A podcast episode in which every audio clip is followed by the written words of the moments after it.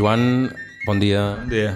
Avui parlem amb el Joan Xandric d'un instrument històric que t'ha acompanyat durant quants anys? Durant 39 anys a la principal de la Bisbal. Però abans que tu, l'anterior contrabaixista de la Copla ja l'havia tocat i l'anterior i l'anterior quantes generacions de contrabaixistes han tingut aquest contrabaix entre mans? Aquest contrabaix va venir a la Bisbal de la, de la mà d'en Josep Vallespí, que era un músic de Torroella de Montgrí, que en junt amb el seu germà eren els, els responsables del Montgrins, de l'orquestra Montgrins. I l'any 29-30 se'n va anar amb el principal de la Bisbal i ja va portar l'instrument a, la copla. I des de després ell el va passar amb el amb en Félix Arcajo, que era un contrabaixista que el va suplir amb ell, en Félix Arcajo el va passar amb en Francesc Capelles i Francesc Capelles me'l va passar amb mi. Deu ser especial per algú com tu tocar un instrument com aquest que ha tocat tanta música de copla, tanta sardana. Realment el sentiment és aquest. Sí, sí, és que com el mires, estàs a casa i te'l mires i en tinc diversos d'instruments. Això aquest sempre té una, una cosa que penses la història que ha arribat a fer jo sempre dic que és un músic que ha tocat més anys al principal de la visual. És bona aquesta. El pots descriure com és aquest contrabaix? D'entrada potser hauríem d'explicar, Joan, que el contrabaix de la copla és una mica diferent als contrabaixos que trobem a les orquestres. Sí, els contrabaixos amb la copla han de tenir eh, són iguals que els de les orquestres, és el mateix instrument. El que passa nosaltres, amb un luthier, que, que n'ha de saber una mica, l'adaptem a tres cordes.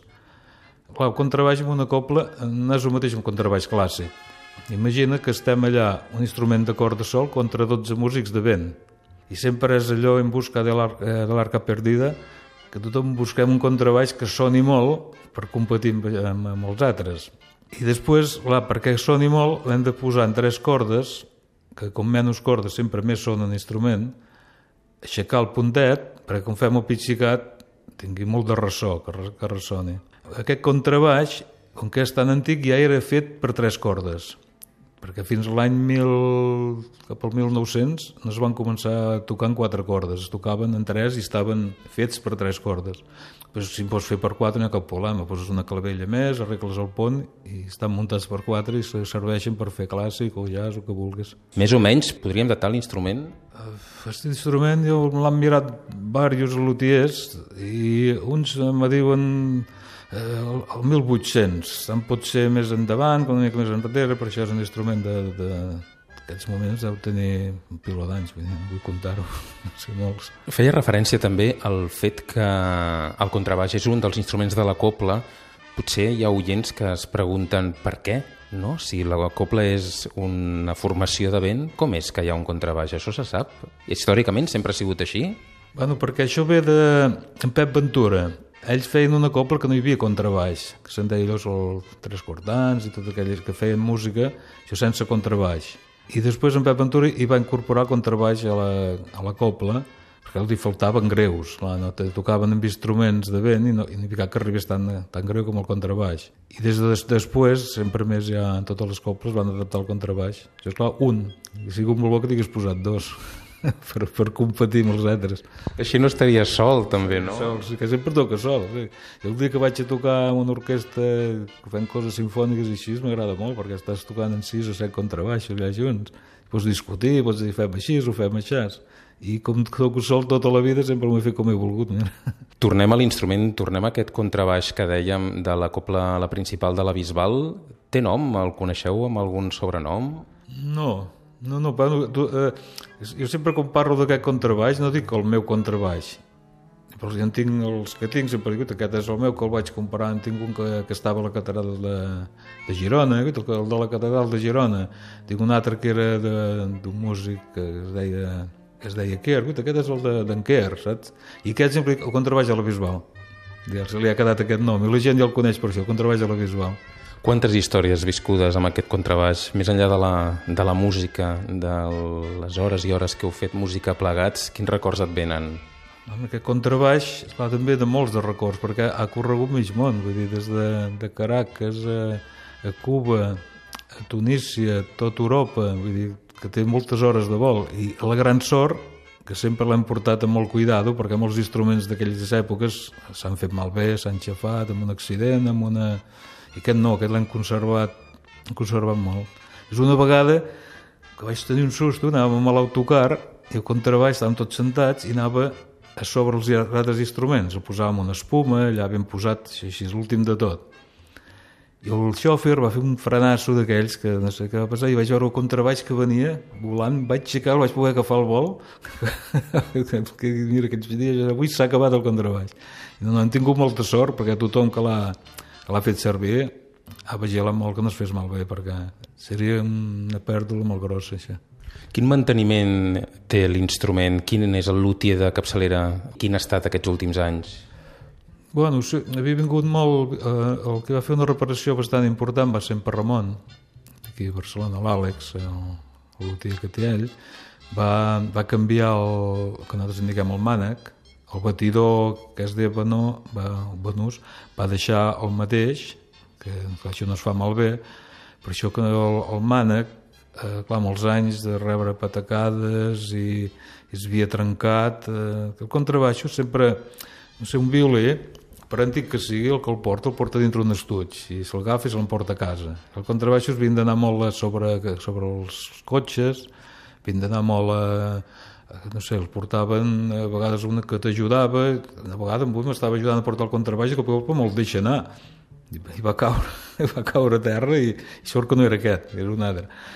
I clar, i, i aquest, de molts anys, el, el mànec havia rebut alguna, alguna trencadissa i en l'Àlex d'en Parramon el va, va fer tot el mànec nou. Però que és la caixa, el contrabaix, està, és, és la original tot.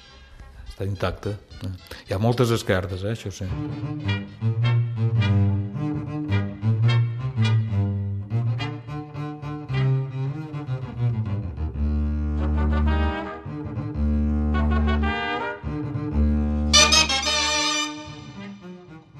En el contrabaix, per tots aquests anys viscuts, entenc que hi han les marques de tota una vida, no?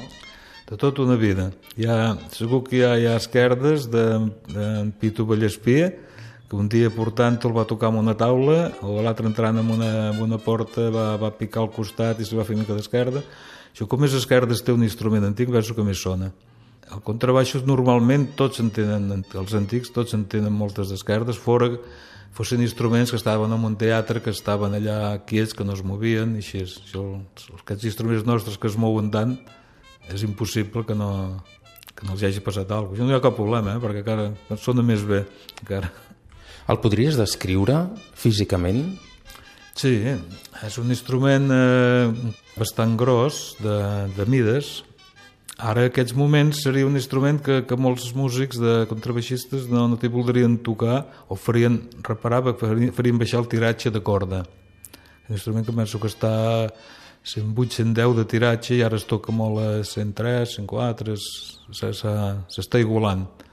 La caixa de darrere, la fusta de darrere, és molt bombada, eh, una fusta amb unes aigues molt i molt maques, la de davant és la que està més, més escardada, que hi ha més, hi ha més reparacions, és un color, un color un marron fosc, tirant coses, de pas sembla que és una mica com si fos negre, però això no sé si és el vernís o de coses que havien fet.